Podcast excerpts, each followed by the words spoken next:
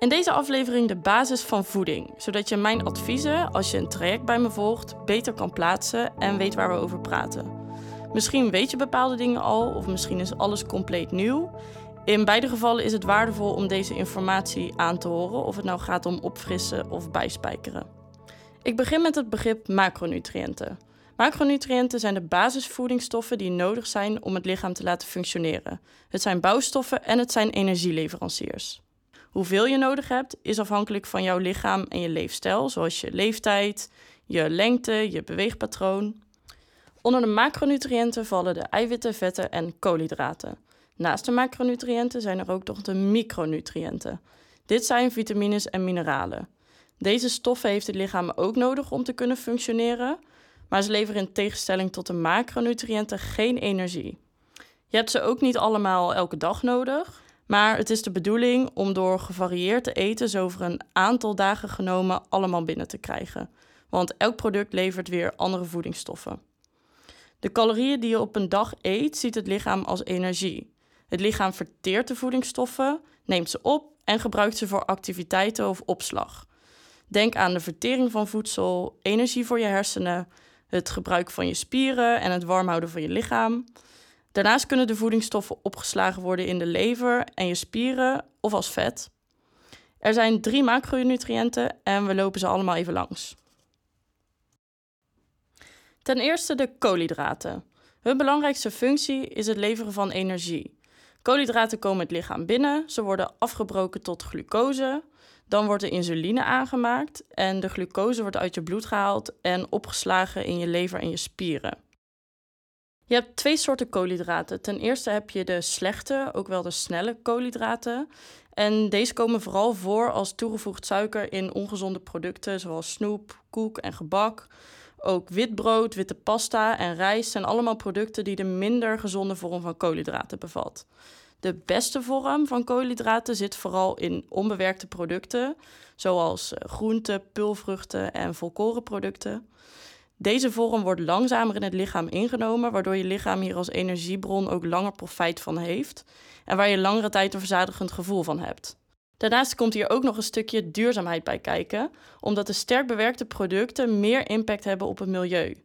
Het hele bewerkingsproces van deze producten zorgt namelijk voor de uitstoot van broeikasgassen en het gebruik van land, water en energie. Vezels zijn ook een vorm van koolhydraten. Ze komen vooral uit de celwand van planten en ze kunnen in de darmen niet worden opgenomen of verteerd. Ze zorgen in de darmen dan ook voor een verzadigend gevoel en een goede darmwerking en spijsvertering. Ook de bacteriën in je darm worden heel blij van vezels en deze bacteriën hebben we ook heel hard nodig. Vezels kunnen voor sommige mensen, bijvoorbeeld met prikkelbare darmsyndroom, zorgen voor juist meer klachten. Als je daar last van hebt, is dat iets waar we tijdens een traject samen aan kunnen werken. De volgende van de macronutriënten zijn de vetten.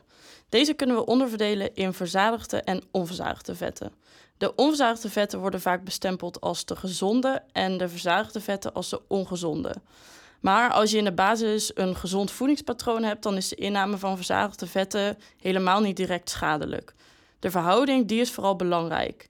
Zorg ervoor dat je ook genoeg onverzadigde vetten binnenkrijgt. En dan is er helemaal niks aan de hand als je ook verzadigde vetten binnenkrijgt. De onverzadigde vetten zitten vooral in plantaardige producten en vis. Dus noten, avocado, pitten en zaden en alle oliën die daarvan zijn gemaakt. En verder geldt hoe vloeibaarder een vet bij kamertemperatuur is, hoe meer onverzadigd vet dit product bevat. Dus denk aan olie en halvarine. En de meer harde vetten, zoals roomboter, die bevatten meer verzadigde vetten. Verder worden verzadigde vetten vooral gevonden in dierlijke producten, zoals kaas en vlees. En ook gebak en snacks en sauzen bevatten verzadigde vetten. En daarnaast zijn deze producten ook erg ongezond omdat ze transvetten bevatten. Transvetten kun je binnenkrijgen uit bewerkte producten, omdat transvetten kunnen ontstaan in de fabriek.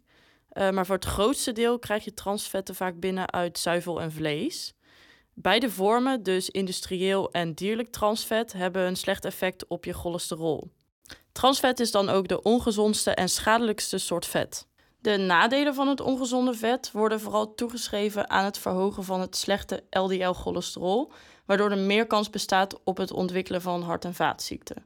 Maar vetten, en dan wel in de gezonde variant, hebben we ook vooral heel hard nodig. Ze leveren namelijk bepaalde vitamines, ze transporteren energie, ze zorgen voor warmte en ze beschermen de organen. En daarnaast spelen ze een rol in cellen en in de aanmaak van hormonen. De laatste zijn de eiwitten. Eiwitten leveren energie en aminozuren. Aminozuren zijn de bouwstoffen voor cellen in het lichaam. Onder die aminozuren zijn er essentiële, die je uit je voedsel moet halen, en je hebt een niet-essentiële, die kan je lichaam ook zelf aanmaken. Het is daarom belangrijk om te variëren met eiwitbronnen in je voeding, zodat je alle aminozuren binnenkrijgt. Ook komen eiwitten in het lichaam voor in de vorm van enzymen, hormonen en afweerstoffen. De afweerstoffen zijn belangrijk voor een goed werkend immuunsysteem en ze transporteren ook stoffen in het bloed en in de cellen. Eiwitten hebben hier dus ook hard voor nodig. Tot slot reguleren eiwitten de vochtbalans en de zuurtegraad van het lichaam. Het zijn dus heel belangrijke bouwstoffen die je voldoende binnen wil krijgen uit verschillende bronnen. We kunnen ze indelen in de dierlijke en de plantaardige vorm. De dierlijke vorm vinden we terug in zuivel, in vis en vlees en in eieren. En de plantaardige eiwitten zijn te vinden in pulvruchten, noten, paddenstoelen en graanproducten. Belangrijk ook hierbij is om te weten dat de dierlijke producten die eiwitten leveren een grotere impact hebben op het milieu. Een belangrijke reden om dus meer plantaardig te eten is naast dat het beter is voor je eigen gezondheid en voor het dierenwelzijn, is dat het ook voor de impact op de aarde scheelt als je minder vlees en andere dierlijke producten eet. Ook de verdeling van de macronutriënten is belangrijk. Binnen een gezond eetpatroon valt namelijk ook een goede verdeling van de macronutriënten. Dit doe je door een maaltijd te laten bestaan uit een combinatie van koolhydraten, vetten en eiwitten. Ga dus nooit zonder overleg met een diëtist bepaalde voedingsstoffen weglaten uit je maaltijd, want dit kan zorgen voor tekorten in je lichaam waar je gezondheidsklachten van kan krijgen. In mijn coaching kijk ik hoe volledig jouw voeding is en waar je je voedingsstoffen uithaalt. De bron van de macronutriënten geeft namelijk een boodschap aan jouw lichaam die het beter laat voelen of het tegenwerkt. Ik zal dan ook niet focussen op calorieën tellen, maar ik vind het vooral belangrijk om op productniveau te kijken wat je binnenkrijgt. Wat ik dan ook merk in de praktijk, is dat als we in een traject kijken naar waar iemand zijn of haar energie uithaalt en hier een switch in gaat maken, dat mensen al snel ervaren meer energie te hebben en zich fitter te voelen en ook af te vallen, zonder te focussen op getalletjes en calorieën, maar door gewoon gezond te gaan eten, zeg ik altijd. Want wat ik hoop is dat een echt gezond eet- en leefpatroon op den duur als gewoon wordt gezien en niet als fit girl of zij of hij leeft mega gezond.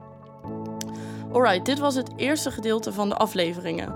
Ik hoop dat je nog steeds lekker onderweg bent en ondertussen geïnspireerd wordt door de info die ik vertel. En als er tussendoor vragen in je opkomen, schrijf die vooral ook even op. Dan bespreken we die de volgende keer dat ik je zie. En de volgende aflevering gaat over bewegen.